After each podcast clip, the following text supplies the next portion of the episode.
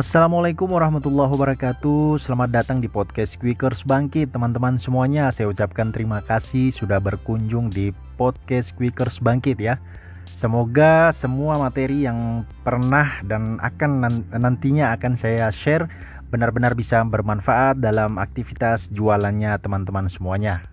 Ya uh, beberapa waktu lalu kita sempat membahas tentang empat kesalahan reseller baru atau newbie ya saat ini masih juga seputar reseller materinya ya yaitu reseller yang tidak loyal. Saya yakin uh, teman-teman di sini yang sudah memiliki reseller atau mungkin yang belum punya reseller ya sangat-sangat berkeinginan untuk memiliki reseller yang loyal ya. Reseller yang benar-benar militan, reseller yang benar-benar bisa membantu teman-teman dalam uh, proses membangun tim yang sedang teman-teman kembangkan. Akan tetapi, ya, saran saya sebelum teman-teman berkeinginan untuk memiliki reseller yang loyal, reseller yang militan, reseller yang dapat membantu teman-teman dalam mengembangkan tim, saran saya sebelumnya teman-teman harus menginstal terlebih dahulu salah satu belief ya dalam pikirannya teman-teman, ya, sehingga teman-teman bisa menyadari bahwa yang namanya reseller, saya ulang sekali lagi, yang namanya reseller pasti memiliki kebiasaan yang sangat-sangat mengganggu, bahkan menghambat perkembangan timnya, teman-teman. Nah, kebiasaan apa saja sih sebenarnya yang uh, sering uh, sering banget uh, terjadi di kalangan reseller-reseller baru ya? ada beberapa kebiasaan yang sebenarnya seperti yang saya katakan tadi bahwa kebiasaan-kebiasaan tersebut sangat-sangat mengganggu aktivitas dan perkembangan bisnisnya teman-teman terutama perkembangan timnya teman-teman ya uh, kebiasaan itu ya uh, adalah kutu loncat ya mut-mutan atau mungkin coba-coba ya jadi reseller itu yang mereka yang kutu loncat ya sering mut-mutan bahkan mereka ya hanya sekedar coba-coba ya. Mereka join di bisnis Kuiskin contohnya ya. Mereka hanya sekadar coba-coba aja hanya ikut-ikutan saja. Bahkan eh, bahasa kerennya mungkin lebih banyak hanya sekedar menjadi penggembira ya sekedar ikut-ikutan join sekedar ikut-ikutan pakai produknya aja bahkan sekedar ikut-ikutan posting lihat distributor atau agennya posting dia ikut posting aja tapi sebenarnya kalau ditelusuri lebih dalam lagi ternyata banyak di antara mereka yang hanya sekedar coba-coba aja ya. Ah, kemudian selain coba-coba, mereka sering banget yang namanya uh, mut-mutan ya. Mungkin saja sudah sering melakukan banyak aktivitas jualan ya ketika disarankan oleh agen atau mungkin distributornya mereka sudah sering mereka lakukan aktivitas-aktivitas yang disarankan itu mungkin dalam sehari mereka melakukan postingan 3 sampai 5 kali postingan jualan dinaikin di sosmednya mereka ya. Kemudian tidak mendapatkan feedback yang baik atau mungkin tidak mendapatkan hasil yang sesuai dengan harapannya mereka.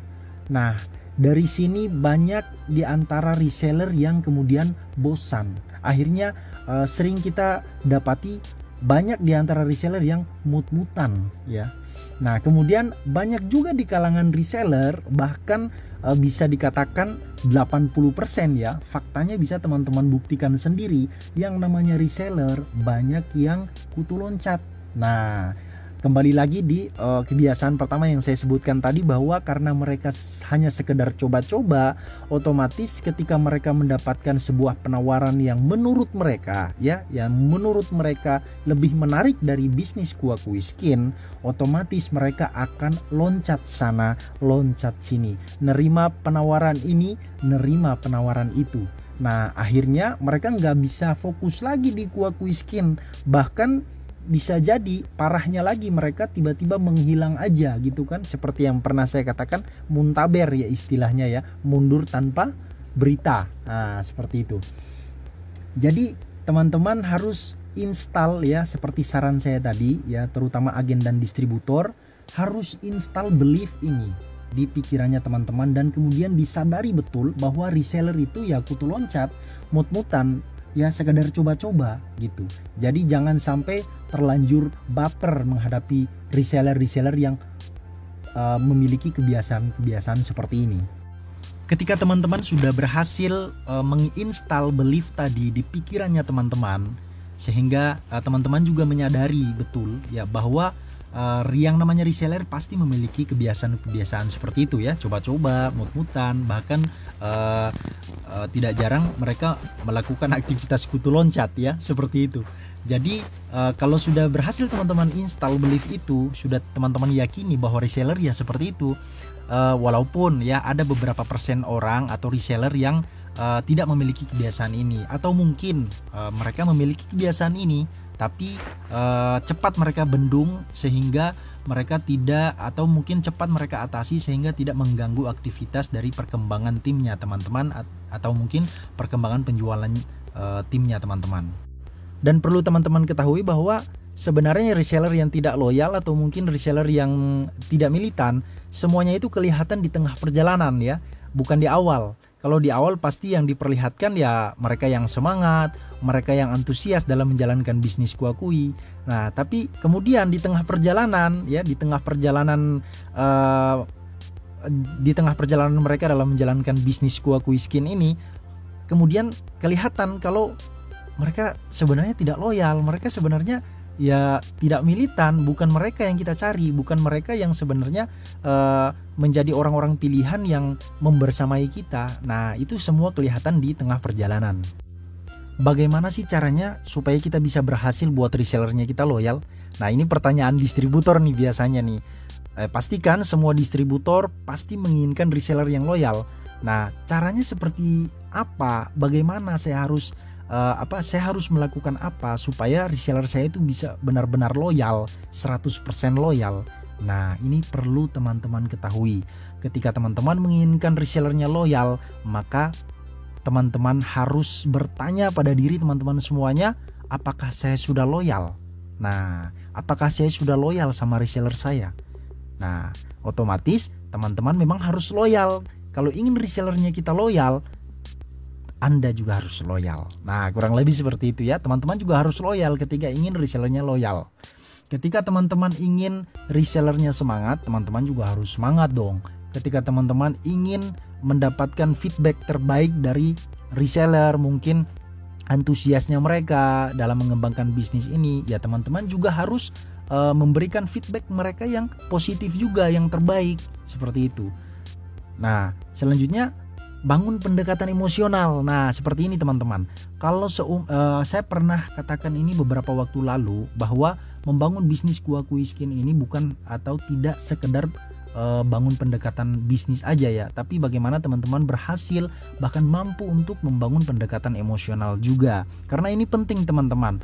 Kenapa? Karena uh, kita menjalankan uh, bisnis kuah kuiskin ini otomatis kita punya tim ya dan di dalam tim itu siapa aja sih otomatis di dalam adalah eh, ada distributor, ada agen, ada reseller ya. Yang kita bahas sekarang reseller nih. Nah, pertanyaannya reseller itu manusia nggak?